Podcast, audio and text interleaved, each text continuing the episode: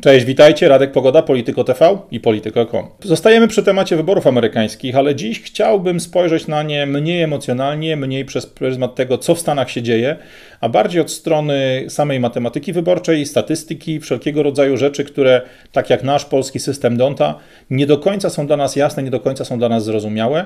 I od tej strony ugryźć temat, którego pewnie po kokardy będziecie mieli przez najbliższe kilka tygodni, czy nawet miesięcy, w informacjach, które docierają do Was z mediów klasycznych i z mediów społecznościowych. Przede wszystkim zastanówmy się nad tym, e, kto faktycznie wygrywa wybory w Stanach Zjednoczonych. Okazuje się, że nie ten, kto uzyskał najwięcej głosów wyborców, no bo ta liczba głosów, totalnie, totalna liczba głosów oddana na danego kandydata, to nie jest wcale tym, co sprawia, że kandydat na prezydenta tym prezydentem się staje. Wygrywa ten, kto uzyskał najwięcej głosów elektorów. Różne Stany mają różne ilości tych elektorów, o czym pewnie za chwilę będziemy też rozmawiali.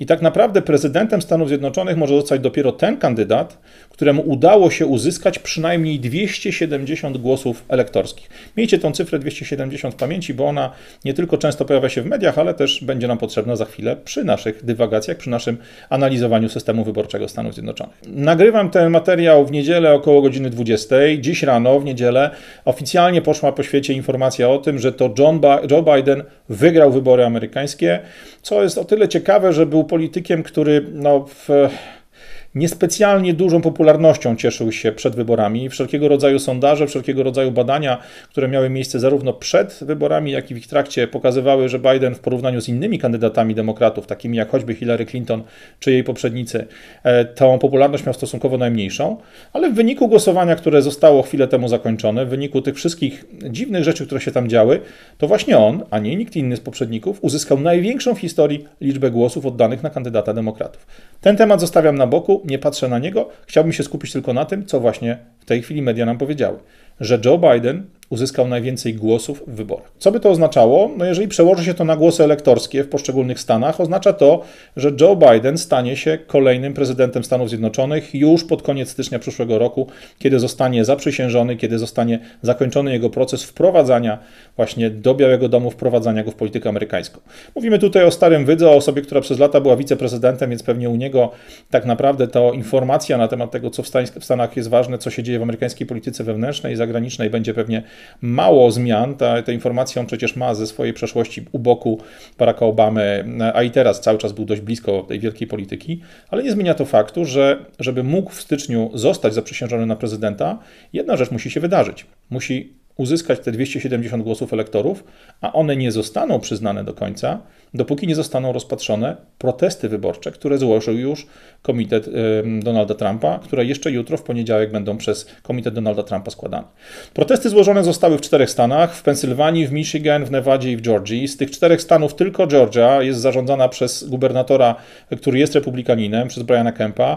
Wszystkie pozostałe stany, zarówno Pensylwania z gubernatorem Tomem Wolfem, zarówno Nevada z gubernatorem e, Stevenem Sisolakiem, a przede wszystkim Michigan, w którym e, gubernatorem jest twarda, zatwardziała demokratka Gretchen Whitmer, e, która w tym roku mocno pokazała swoim krajanom, ludziom, którzy na terenie Michigan mieszkają, jak bardzo twardo potrafi zarządzać w okresie lockdownu. W tych czterech stanach tylko jeden z nich jest stanem zarządzanym przez gubernatorów, cała reszta pozostaje w rękach demokratów. E, procesy wyborcze Trumpa zakładają nieprawidłowości zarówno w, w, sposobie liczenia głosów, jak i nieprawidłowości związane z samym tych głosów, jakby zestawianiem, z samą ilością głosów, która wpłynęła. Nie chcę wchodzić dziś w żadne szczegóły dotyczące tego, w jakim wieku byli niektórzy głosujący, że byli, e, że byli osobami martwymi, e, czy w szczegóły związane z systemami wyborczymi, które już w roku 2014 były mocno kwestionowane i mocno kontestowane przez ówczesne E, osoby zarządzające e, procesami wyborczymi w Stanach. Były wręcz dochodziło do przesłuchań przed kongresem dotyczących tych systemów e, komputerowych, które, nadzorowa- które głosowanie nadzorują. Chcę dzisiaj skupić tylko na tym, co się może wydarzyć. Jeżeli wszystkie te protesty wyborcze zostaną zatwierdzone, zostaną jakby przyznane komitetu, komitetowi Trumpa, to nadal nie oznacza to, że Trump zostanie prezydentem. Oznacza to tylko tyle, że w tych czterech stanach może dojść do ponownego liczenia głosów. I jeżeli okaże się, że w wyniku tego ponownego liczenia głosów faktycznie Trump uzyska największą ilość tych głosów składanych przez poszczególnych obywateli Stanów Zjednoczonych, zostanie on prezydentem. Tyle tylko, że jeżeli mm, ewentualne przekręty wyborcze polegały na tym, że do głosów faktycznie złożonych przez ludzi tego dnia i głosów złożonych przez prawdziwych ludzi w sposób korespondencyjny dosypane zostały, dołożone zostały głosy nieprawidłowe, głosy, które można potraktować wprost jako przekręt, może się okazać, że nawet powtórne liczenie da dokładnie ten sam wynik, że powtórne liczenie sprawi, że wyjdziemy na dokładnie te same cyfry, co oznacza, że nie Trump, a Biden będzie jednak prezydentem Stanów Zjednoczonych.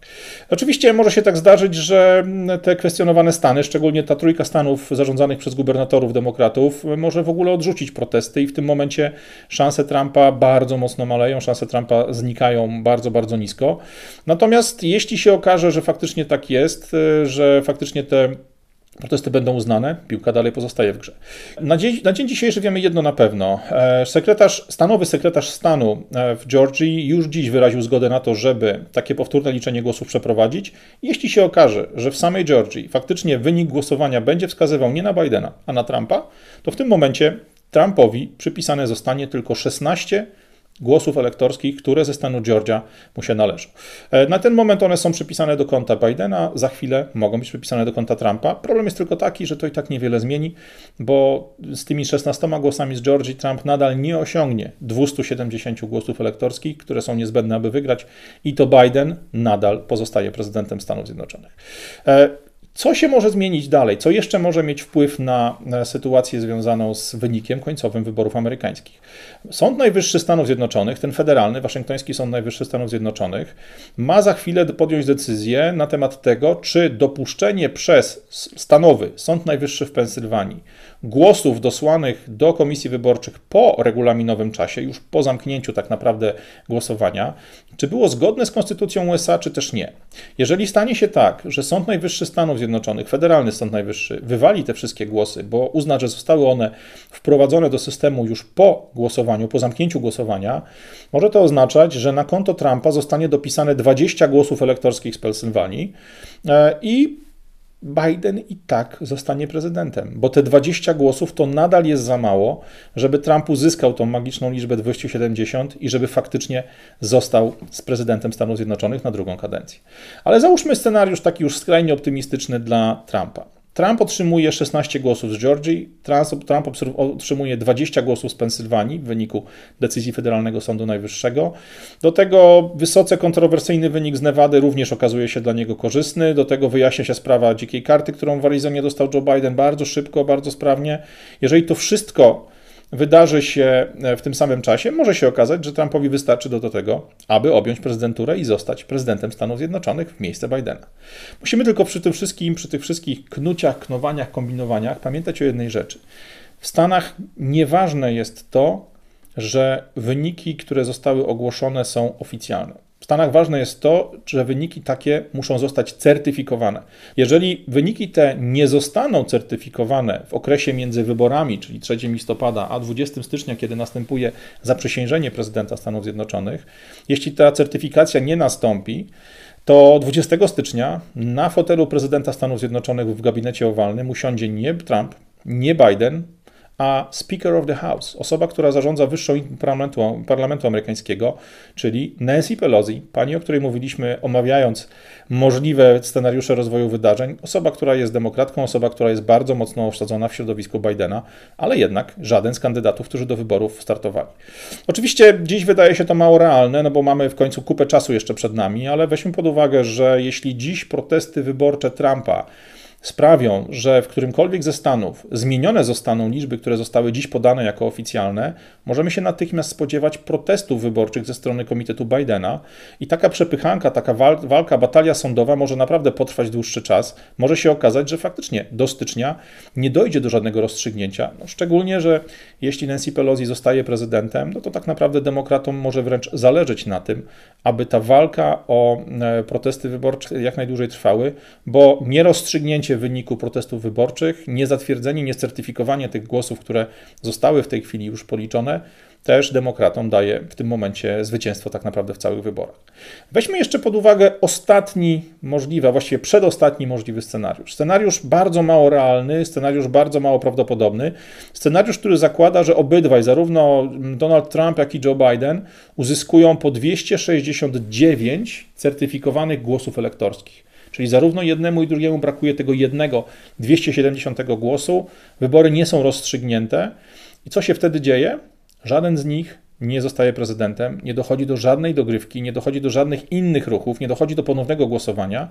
W takiej sytuacji prawo amerykańskie przewiduje, że Izba Reprezentantów, ta Izba Wyższa Parlamentu, wybiera prezydenta, a Senat wybiera wiceprezydenta.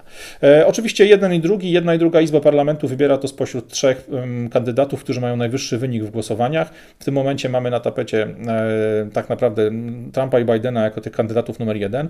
A co ważne, w związku z tym, że w tej chwili Izba Reprezentantów kontrolowana jest przez demokratów właśnie pod e, zarządem tak naprawdę, pod przewodnictwem Nancy Pelosi, zakładamy, że oni wybiorą na prezydenta Stanów Zjednoczonych Joe Bidena. Tyle tylko, że Senat, ta druga, niższa liczba e, parlamentu amerykańskiego, kontrolowana jest przez republikanów. Możemy więc mieć sytuację, że Biden jest prezydentem, a Trump wiceprezydentem Stanów Zjednoczonych i dochodzimy do sytuacji, która jest całkowicie wariacka i kuriozalna, w sytuacji, w której dwóch gości, którzy przed chwilą walczyli ze sobą na śmierć i życie, będzie musiało jakoś odnaleźć się we wspólnej sytuacji, jakoś odnaleźć się e, w rzeczywistości prowadzenia tak naprawdę polityki amerykańskiej e, jedną ręką, mimo tego, że sami pochodzą z kompletnie sprzecznych obozów.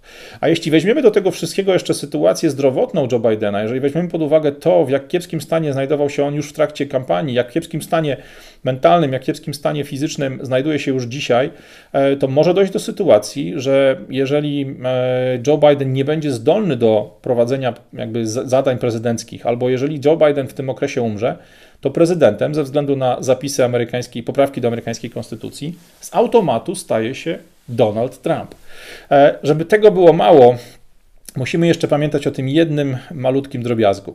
Jeżeli nawet protesty uda się rozstrzygnąć do daty e, zaprzysiężenia prezydenta, jeżeli wyniki potwierdzą to, że faktycznie Joe Biden zebrał największą liczbę głosów wyborców i na tej bazie dostał największą liczbę głosów elektorskich, e, to może się nam okazać ten scenariusz, który, o którym rozmawialiśmy już kilka dni temu, że to nie Trump, nie Biden, nie Nancy Pelosi, a w bardzo szybkim tempie Kamala Harris stanie się prezydentem Stanów Zjednoczonych.